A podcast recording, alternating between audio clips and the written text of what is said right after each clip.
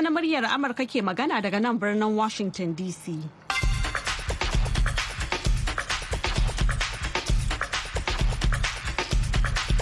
Jama'a ma sauraro Assalamu alaikum barkamu da wannan lokaci da fatan an waye gari lafiya. Maryam Dauda ce tare da Baba Yakubu Makeri da sauran abokan aiki. Muke farin cikin gabatar muku da wannan shirin na safe a yau Laraba 8 ga watan Fabrairu na shekarar 2023. To kafin ku ji abubuwan da muke tafa da su da farko ga kanin labarai. To Maryam shugaban Amurka Joe Biden ya faɗa a jiya talata cewa labarin amurka labari ne na ci gaba da jajircewa yayin da yake jawabi akan hali da ƙasa ke ciki wanda ya mai da hankali akan manufofin tattalin arziki na cikin gida an kashe akalla mutane 38 kana wasu 130 suka jikata biyu bayan faɗan kwanaki biyu da aka gwabza a birnin las anod a gabashin ƙasar somaliland kana masu ceto a ƙasar turkiya da siriya sun sha gwagwarmaya da tsananin sanyi da safe yau laraba a ƙoƙari da suke na kuɓutar da mutane da suka makale a ƙarƙashin buraguzai To madalla a cikin shirin namu na yanzu za mu kawo muku ɗan takaitaccen tarihin siyasar jihar Gombe a Najeriya yana shirin babban zaɓe a ƙasa wannan watan na Fabrairu. Bayan haka za ku ji cewa hukumomin tsaro a Najeriya sun ba da tabbacin cewa za a gudanar da zaɓen lami lafiya abin da kwararru a fannin tsaro suka yaba da shi. wannan abu ne mai kyau ƙwarai da gaske kuma abin da ya kamata a yi kenan. Abin da kullum muke ga jama'a da al'ummarmu shine ba abin da ya fi ƙarfin jami'an tsaro. Matukar mutane dole su bi doka da oda ba wani wanda ya fi ƙarfin najeriya. To za ku ji ƙarin bayani nan gaba. Kamar yadda muka saba a kowace ranar Laraba, yau ma muna nan tafa da shirin baki mai yanka wuya wanda Murtala Faruk sanyin na ya shirya zai kuma gabatar. Amma kafin nan sai a gyara zama a saurari labaran duniya kashi na farko. Assalamu alaikum jama'a ga cikakkun labaran duniya mai karantawa baba ya ko makiri. Shugaban ƙasar amurka joe biden ya faɗa a jiya talata cewa labarin amurka labari ne na ci gaba da jajircewa yayin da yake jawabi akan hali da ƙasa ke ciki wanda ya mai da hankali akan manufofin tattalin arziki na cikin gida inda ya ƙara da yin kira ga 'yan adawar republican da su haɗu su yi aiki tare. Yayin da yake fuskantar 'yan republican da ke da rinjaye a majalisar wakilai biden ya ambato wasu dokoki da suka samu amincewar 'yan majalisar republican da na democrat da suka hada da gagarumin kudirin gine-gine abubuwan more rayuwa da taimako ga ƙasar ukraine da kuma kudirin kare 'yancin auren jinsi.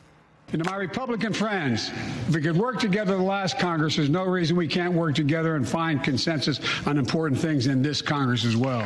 Ya ce ga abokai da 'yan Republican idan za mu yi aiki tare a majalisa ta ƙarshe kuma babu wata hujjar da za ta hana mu yin aiki tare kuma mu samu matsaya a wannan sabuwar Biden. Biden ya ce don ci gaba da samun karfin tattalin arziki a duniya, Amurka na buƙatar ingantattun abubuwan more rayuwa. Kuma ya ce sabbin ka'idoji da za a buƙaci wurin ayyukan samar da abubuwan more rayuwar na tarayya shine a yi amfani da kayan gini da aka yi su daga nan amurka kadai an kashe akalla mutane 38 kana sama da wasu 130 ne suka jikata. Biyu bayan faɗin kwanaki biyu da aka gwabza a birnin las anod a gabashin ƙasar somaliland.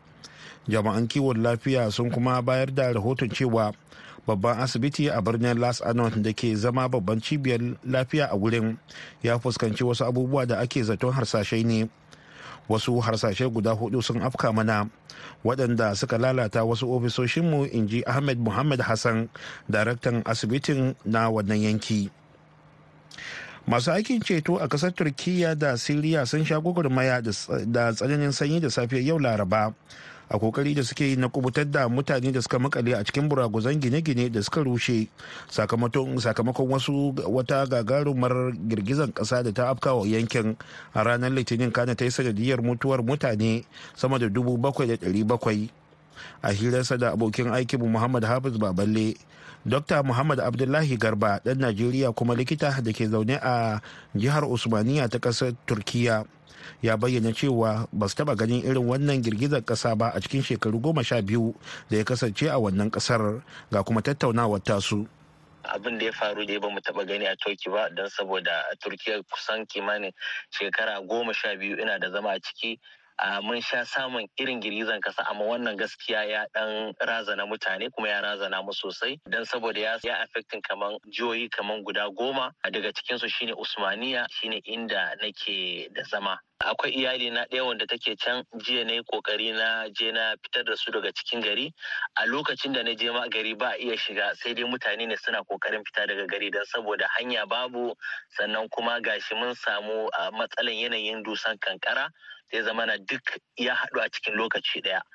Mutane sai dai su zauna a kan titi ga sanyi ga dusan kankara yana sokowa gashi kuma gini kuma na zubewa. Ko gidana ba iya ma zuwa na gani ba don saboda ba za mu iya mu karasa zuwa wajen gidajen ba amma mun samu mun fitar da su cikin koshin lafiya. To yaya batun ofishinka kuma fa ma'aikatanka? Wani hali suke wallahi ofishina akwai ɗaya daga cikin sakatare na bai wuce awa biyu da ya wuce ba aka yi min waya tana zone a gida wannan mai hawa uku su suna na tsakiya aka samo aka dan yarake wajen aka samo su ita da mahaifiyarta da mahaifinta da kuma yayarta babba duk Allah ya musu rasuwa yanzu ma muna ƙoƙarin yadda za a samo a ɗauke su daga can a kai su ƙauyen su don saboda a yi jana'iza gobe. To yaya hukumomin Najeriya sun tuntuɓe ku domin ba ku agaji musamman 'yan Najeriya mazauna nan? Eh alhamdulillah dai akwai wanda dama margamin san juna tun jiya suna dan kira suna ga wani irin taimako za su yi. Kuma alhamdulillah ko yau ma da yamma akwai wanda yake control immigration shi ma ya kira kuma ya tuntuɓe mu ya ce dan saboda a can dama Usmani dan Najeriya ne kadai ne kawai mai zauna da nake da zama a can. Sauran ba 'yan Najeriya ba ne amma sun kira dai sun ji in akwai abin da za su iya siya alhamdulillah mun gode musu.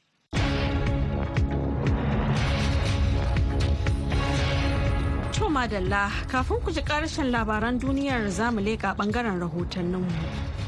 Alamu sun nuna cewa zaɓen shekarar nan ta 2023 zai sha bamban da zaɓukan da suka gudana a shekarun baya. Musamman idan aka yi la'akari da irin salon yaƙin neman zaɓe da jam'iyyun siyasa da kuma 'yan takara suka dukufaye domin neman goyon bayan al'umma. Masana a harkokin siyasa sun yi karin bayani sun kuma ce jihar gombe ta ba da gudunmuwa sosai a siyasar najeriya. Ga karin bayani daga wakilin muryar amurka abdulwahab muhammad a cikin wannan rahoton na musamman.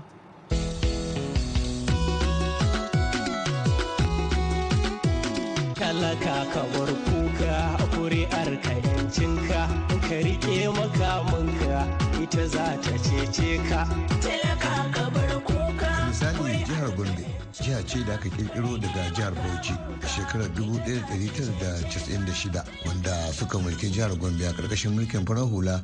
Su ne mutum na farko alhaji abubakar habu hashidu daga shekarar 1999 zuwa 2003 sai sanata muhammad danjuma goje daga shekarar 2003 zuwa 2011 gwamnan farar hula na uku a jihar gombe shine dr ibrahim hassan dan kwambo da ya mulki daga shekarar 2018 zuwa 2023 gwamnan farar hula na huɗu a jihar ta gombe shine muhammadu inuwa haya da ya hau kujerar gwamna a shekarar 2019 kuma shine ke kan gadon mulki. Babbar jam'iyyar adawa pdp ta yi mulki a jihar na gombe shekaru 16 wanda a halin yanzu kuma jam'iyyar epc ita ce mai mulki a jihar. Dr umar adamu shine shugaban tsangayar dabarun mulki a jami'ar jihar gombe. Ya yi tsokaci kan siyasar jihar gombe tun kirkiro ta shekara 1996 ita jihar gombe dama ta fara ma ta shiga fagen demokradiyya ga dangadan ne daga shekara ta 1999 din saboda a lokacin sojoji aka kirkiro ta shekara ta 1996 to shekara uku da kafa ta sai aka dawo tsarin mulkin demokradiyya. To a lokacin muna tunanin cewa kawai mutane al'umma sun zaɓu domin a fita daga mulkin soja a koma na farar hula. To a wancan lokacin zaɓen da an yi shi na cikin gaggawa kuma waɗansu da yawa daga cikin al'umma jihar gombe ba su ma san tasiri da inganci na shugabanci ba sai da suka yi karon farko. Kuma alamu ya nuna cewa mutanen gombe sun fara siyasa ne da wayewa domin gwamnatin da suka fara zaba a jiha ba ta yi abun kirki ba sai suka yi ƙoƙari suka canja ta bayan shekaru huɗu. Kuma tun daga wannan lokacin duk wanda ya zo mulki a jihar gombe zaka ga cewa yana yin iya kokarinsa domin ya gamsar da mutanen gombe cewa yana yin abun kirki. Wanda kuma yana tabbatar maka cewa ko gobe idan aka samu irin shugabanci ba mai inganci ba to mutanen gombe suna da kwarin gwiwa da ƙarfi da wayewa da kuma jajircewa da za su iya canjawa. Umar liman shatiman kwaltungo jigo a siyasar jihar gombe ya yi waiwaye adon tafiya kan salon siyasar jihar gombe ta yanzu. Jihar gombe tun ana fuma bauchi state. Jihar gombe tana taka rawan gani a siyasa. Ana siyasa a jihar gombe. Asalin siyasa ta ci gaba. Siyasa ce wanda tun fil azal din siyasar tana da rikitarwa. Rikitarwan ita ce take sa kake ga kullum ana samun ci gaba a jihar gombe. Duk wanda aka zaba zai tsaya yi aiki saboda kullum a cikin adawa ake. Wata 'yar siyasa wanda da tsohuwar 'yar jarida ce ta yi bayani ga irin hoɓɓasan da mata ke yi da kuma abubuwan da suka sa a gaba don tabbatar da cewa ana damawa da su. Sunana Hawa kuma tsohuwar ma'aikaciyar jarida yana ci mana tuwo a ƙwarya na rashin damawa da mata cikin harkokin siyasa. Wanda kuma aka yi la'akari yanzu kashi saba'in bisa ɗari ko in ce sittin bisa ɗari mata ne masu zaɓe. Amma kuma idan aka yi zaɓen sai ka ga ba a damawa da su ta ɓangaren siyasa da makamantan haka. Ganin hakan shi ya sanya muke ɗan faɗakar da mata da sauransu. Kai ƙarshe ya sanya muka shiga dumu-dumu harkokin siyasa wanda kuma alhamdulillahi hakan ya ba da gagarumar gudunmuwa har ila yau na ji ta bakin gombawa dangane da buƙatar su na ganin yadda zaɓuɓɓuka za su gudana. da farko dai sunana injiniya abubakar sani. Mazaunin tumfure fata na zaɓen da yake karatowa kasa da wata biyu masu zuwa ina addu'a ubangijin Allah ya kawo mana lokacin lafiya kuma Allah ya sa a yi zaɓe lafiya. Sunana Honorable Aishatu Ahmed Hajiya ne Kumo.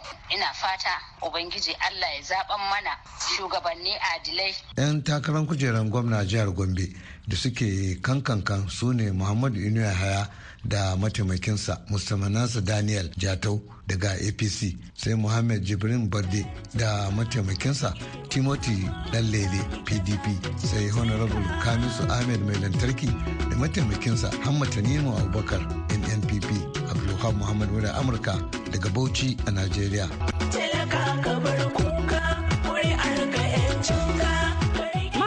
gaida Abdulwahab Muhammad da wannan rahoton. Shirye-shiryen na zuwa muku ne daga nan sashen Hausa na muryar Amurka a birnin Washington DC. To yanzu kuma ga ƙarshen labaran duniyar. Wani sabon bincike da aka fitar yau Laraba ya nuna babu wani nau'in cutar COVID-19 da ya barke a Beijing a cikin makonni da China ta ɗage dokokinta na yaƙi da cutar COVID-19 a ƙarshen wancan shekara. China dai ta ga karuwar kamuwa da cutar a lokacin da ta fara dage tsauraran dokokinta na yaƙi da annoba a farko watan disamba.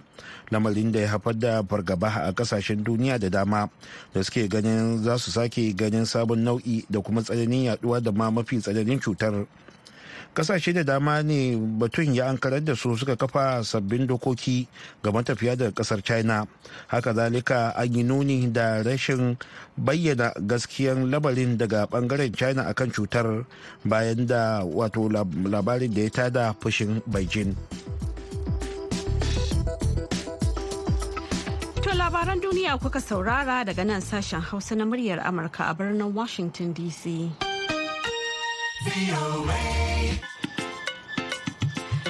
To madalla yanzu kuma za mu sake komawa ɓangaren rahotanninmu. Hukumomin tsaro a Najeriya sun ba da tabbacin cewa za a gudanar da zaɓen shekarar nan ta 2023 lami lafiya suna masu yin watsi da duk wani yunkuri da wasu ke yi musamman a kafafen sada zumunta wajen yada karerayi domin ganin sun haifar da fargaba a zukatan mutane. Manyan jami'an hukumar sun yi waɗannan kalaman ne a yayin wani taro da ya haɗa har da shugaban hukumar zaɓe ta inec wanda ya gudana a ofishin mai ba shugaban ƙasa shawara akan harkar tsaro a abuja. Ga rahoton da muhammad lalo ya aiko mana daga abuja. Taron wanda ya samu halartar babban hafsan sojin najeriya general loki irabo da manyan hafsoshin sojin ƙasar da babban sifeta general na 'yan sandan najeriya ya taɓo batutuwa da dama da duk suka ta'allaka kan zaɓen da ke tafe. Manyan jami'an tsaron ƙasar sun yi jawabi ɗaya bayan ɗaya inda suka kore duk wata fargaba da al'ummar ƙasar ke nunawa dangane da zaɓen wanda suka ce za a yi lami lafiya.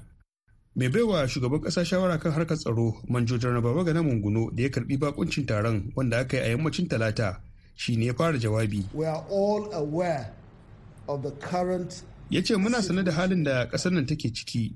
Akwai buƙatar na ƙara al'ummar najeriya ƙwarin gwiwar cewa idan suna da wata fargaba a zuciyarsu na so na kore musu wannan tunani. Zaben 2023 zai gudana cikin lumana. A climate devoid bereft of rancor. A cewar manguno akwai mutanen da suke yada karerai a kafafen sada zumunta da nufinta da husuma ko tsorata mutane.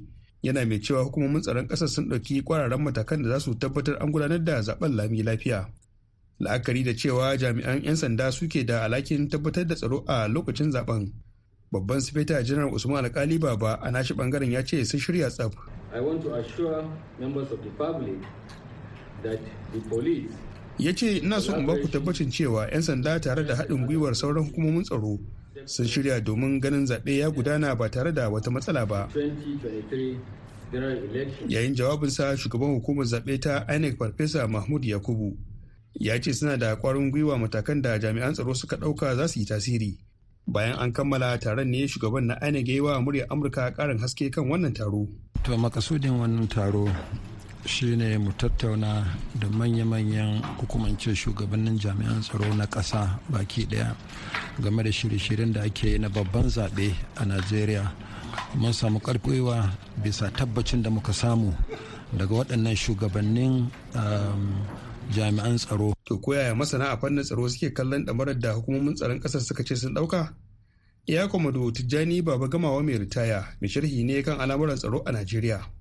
To alhamdulahi wannan abu ne mai kyau ƙwarai da gaske. Kuma abin da ya kamata a yi kenan. Abin da kullum muke ga jama'a da al'ummarmu shine ba abin da ya fi ƙarfin uh, jami'an tsaro matuƙar mutane dole su bi doka da oda. Kuma muna faɗi cewa ba wani wanda ya fi ƙarfin Najeriya. gabanin zuwansa ofishin mai baiwa shugaban ƙasa shawara kan sha'anin tsaro farfesa mahmud yakubu ya yada zango a babban bankin ƙasar na cbn inda ya mika buƙatar ganin an sama wa hukumar kudade don ta gudanar da ayyukan aika kayayyakin zaɓe zuwa jihohi gwamnan babban bankin na najeriya godwin emefiele ya ce bankin na cbn a shirye yake wajen ganin ya biya wa hukumar ta inec bukatarta. A ranar 25 ga watan nan na fabrairu za a gudanar da zaɓen shugaban kasa da na 'yan majalisar dokokin tarayya. Sai kuma ranar 11 ga watan maris a gudanar da na gwamnoni da 'yan majalisun jiha.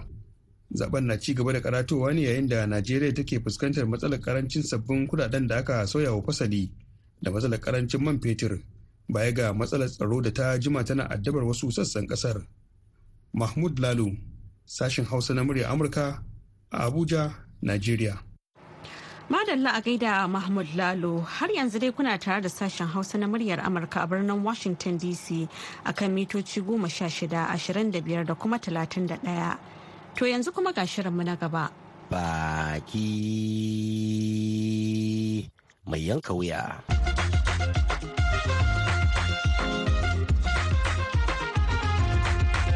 Kalaman gwamnan jihar kaduna nasiru yan rufa'i dangane da matsanancin ƙarancin takardun kuɗaɗen naira da man fetur a najeriya sun tada kura a gidan siyasa.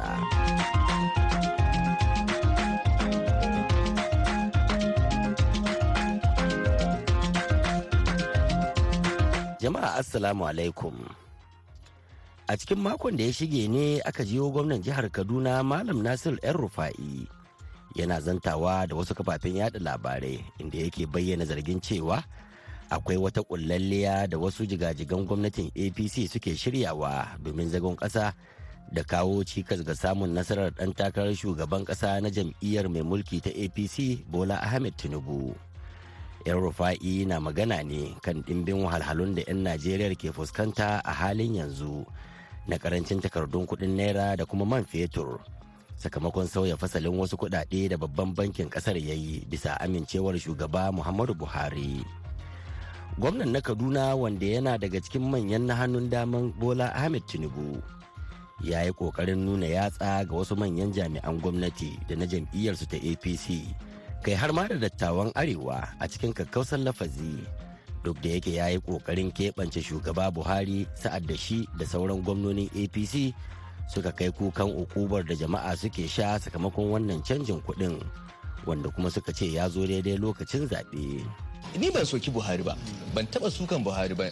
Abinda na soka mutane da suke tare da buhari wayanda suke mishi karya wayanda ba su gaya mishi gaskiya wayanda ba su nuna mishi wahalhalun da mutane suke shiga kan wayannan matakai da ake ɗauka abin da shugaba buhari ya fito da shi mun ba da goyon baya. Mun san dalilin da yasa yake so ya yi abu. Amma wannan abu ba a yin shi yadda ya kamata kuma ba a gaya masa gaskiya kuma dole mu masoyan buhari na gasken ba masu amfani da shi muna samun kuɗin cefane ba dole mu gaya mishi gaskiya. Abinda muka yi kenan mu ne mun gaya mishi abubuwan da ke faruwa a jihohi da yadda mutane suke cikin kakanika yi da kuma tsoron mu cewa wannan abu idan ba a samu hanyar shi ba kila zai kawo matashin hankali a ƙasan kuma muna ganin zai iya bata zaɓe zai ma sa kila ma kada a yi zaɓen gaba ɗaya mu gwamnoni abin da kawai muke so shine a ba da tazara wannan canji domin kowa ya samu ya canza kuɗin. Domin naira biliyan 300 babu yadda za a yi ya zama daidai da naira triliyan guda biyu. Ko rabin kuɗin an ce ba za a iya amfani da shi ba yana banki. Ai ka buga naira triliyan ɗaya. Ba naira biliyan 300 ba. Kudin ne ba su isa ba. Matsalan kenan. Saboda haka abin da mu muke ba da shawara shine a yi amfani da tsofaffin kuɗi a riƙa amfani da sababbin kuɗi a hankali a hankali har a cire tsofaffin kuɗin ran da aka buga sababbin kuɗi da suka isa. A yanzu ba su isa ba. Duk wanda ya ce kuɗin da aka buga sun isa karya yake kuma ana gaya ma shugabanni abin da ba gaskiya ba ne. To sai dai kalaman na Nasiru ‘yan Rufa'i sun janyo martani mai zafin gaske daga jama'a da dama musamman a cikin jam'iyyarsa ta APC. Ahmadu Haruna Zago, tsohon shugaban jam'iyyar APC a jihar Kano, yana ganin cewa kalaman na ‘yan Rufa'i da ma ziyarar gwamnonin APC kan wannan matsala tamkar ihu ne bayan hari. To ita kanta ziyarar ɗin yaudara ce, babban yaudara ce suke mutanen da ke shugabantaka. Domin ai ba yau aka fito da tsarin za a canza kuɗin nan ba. Wata uku akalla da fito da tsarin za a canza ba su taɓa yin magana ba sai da suka ga abin ya tabbata. Sannan kafin wannan an ƙara kuɗin mai tun daga naira 86 ya koma har naira 186 ya kar har 120 ba wanda ya taɓa cewa ba a da apc ba ce ba. Ba wanda ya taɓa cewa ba su yadda ba. A gwamnatin Najeriya. To amma da ma cewa suka yi shi wannan tsari da gwamnatin tarayya ta bullo da shi baya cikin manifesto ko kuma ajanda ta APC. To ƙara man fetur iya cikin manifesto APC da mu muka kewa Najeriya da Buhari. Ya ma gaya mana cewa idan man fetur a ɗan Najeriya wuce naira hamsin an dalice shi. Da ni muka kewaya ba wanda zai gama fara cikin su. Kuma yan rufa'i ba masanin Buhari da mai. Kan yan rufa'i fanta fa. Ina ciki ni a Haruna Zago lokacin da muka zo Abuja muna wani zanga-zanga akan ƙarin kuɗin man fetur. Lokacin ya zo ya jefa mana tiya gaza akwai dan juma sifi mataimakin shugaban kuma yan sanda. Shi ya rufa ina yana minista shi ya riƙa jefa mana tiya gaza ya koran mu. Kuma buƙata ce ta kawo shi kuma buƙata ta biya. Domin lokacin da Buhari ke karin kuɗin mai lokacin da Buhari yake a Boko Haram abin bandit na yawa a arewa ba wanda ya taɓa gwamnati Buhari a cikin su gwamnonin nan gaba suka ce ba su yadda ba. Amma wani lokaci suna da buƙata yanzu buƙata ta kare suna ganin sun gama da Buhari saboda haka komai za su ba da kansa. Idan ma suna magana wannan ai kila waɗanda su kuɗin yanzu su ne suke kuka fiye da kowa. Dalili na shine lokacin da ba da takara a 2015 sha ya yi ba shi da naira ba shi da dala ba shi da stalin kuma ko iya da shi ba zai ba da ba dan a zaɓe shi. In za ku zaɓe na ku zaɓe ni. Ba bai ba da koko ba kuma aka zaɓe shi. Ya zo zai tsaya secondary election ya ce ba zai ba da koko ba sai ma talakawa sun tara masa kuɗi. Aka tara masa kuɗi. To duk a apc ba mai wannan capacity ba mai wannan darajar.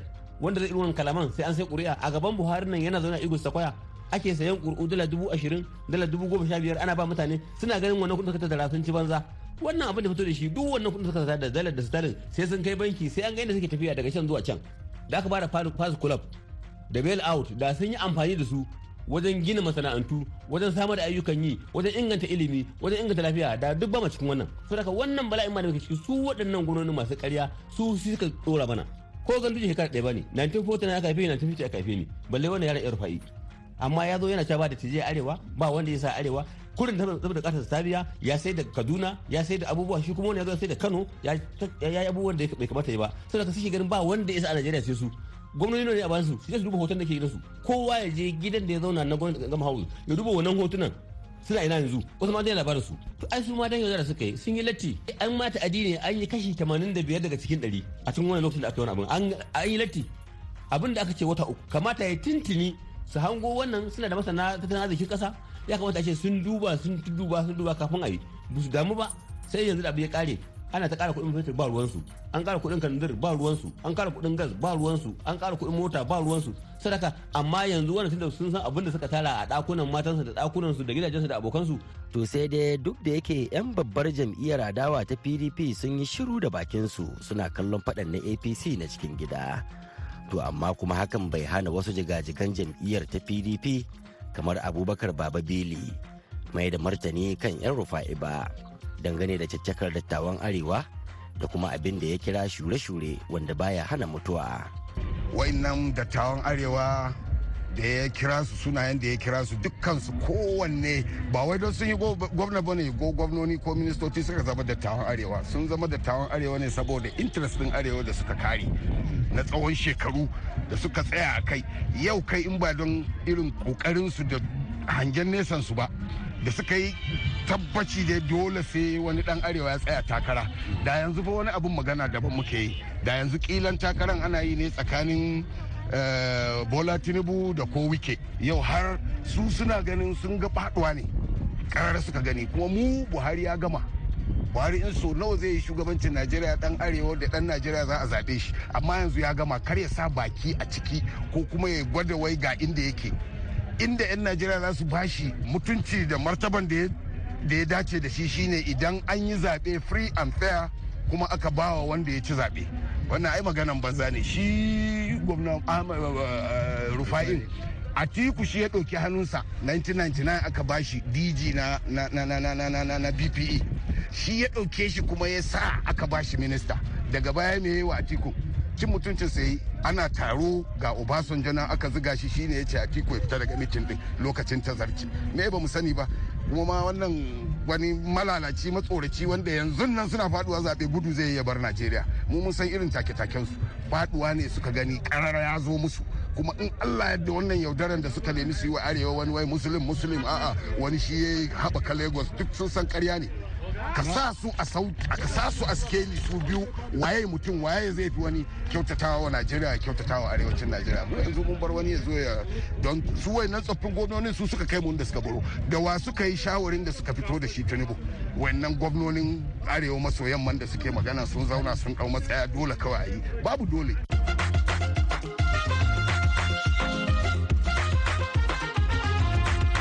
To shin menene ma matsayar wannan mataki na gwamnati na sauya fasalin kuɗaɗe? Kuma yaya wannan al'amari ya shafi al'ummar ƙasar a yayin da ya rage saura kwanaki kalilan a gudanar da babban zaɓen shekarar nan ta 2023? Ku biyo mu a cikin shirin na mako mai zuwa domin jin amsoshin waɗannan tambayoyin. Yanzu kan muna godiya ga wakilan sashen Hausa Mahmud Ibrahim Kwari, Isa Lawal Ikara da Abdulwahab Muhammad, sai kuma Jumbi Hamza da ya daidaita mana sautin shirin. Murtala Faruk Sanyin na ke muku sallama daga sashen Hausa na muryar Amurka. A gaida Murtala Faruk Sanyin na yanzu kuma ga takaitattun labaran duniya. To a taƙaice ma'aikatar shari'a Amurka tana sanya abokan hulɗa na hamshakan attajiran ƙasar Rasha akan sanarwar takunkumi. Tuhumar aikata laifi na baya-bayan na an zargi wani abokin hulɗar antajirin rasha victor vexelberg da laifin rashin mutunta takunkumi da kuma halatta kuɗaɗen haram. Na saba da taimako da ƙoƙarin kare kadarorin vexelberg da ke amurka a cewar wani tuhume-tuhume guda huɗu da aka bayyana su a jiya talata. An zargi vladimir poroshenko ne dan ƙasar rasha mazauni na amurka wanda ya je ƙasar rasha a cikin watan mayu da laifin biyan kuɗi da suka kai dalar amurka miliyan huɗu na gyara wasu kadarori na, na guda huɗu mallakar vexelberg da suke new york da kuma southampton da florida abin da lauyoyi suka ce ya kai miliyan 75 To ma sauraro da haka muka kawo ƙarshen shirinmu na wannan lokacin amma idan Allah ya kai mu an jima da hantsi za ku ji mu ɗauke da wani sabon shirin. A madadin Baba Yakubu Makeri da ya taya na gabatar da shirin da Jumbe Hamza wanda ya haɗa shirin da ba da umarni da ma injiniyan Makal. Ni Maryam Dauda ke cewa ku huta lafiya.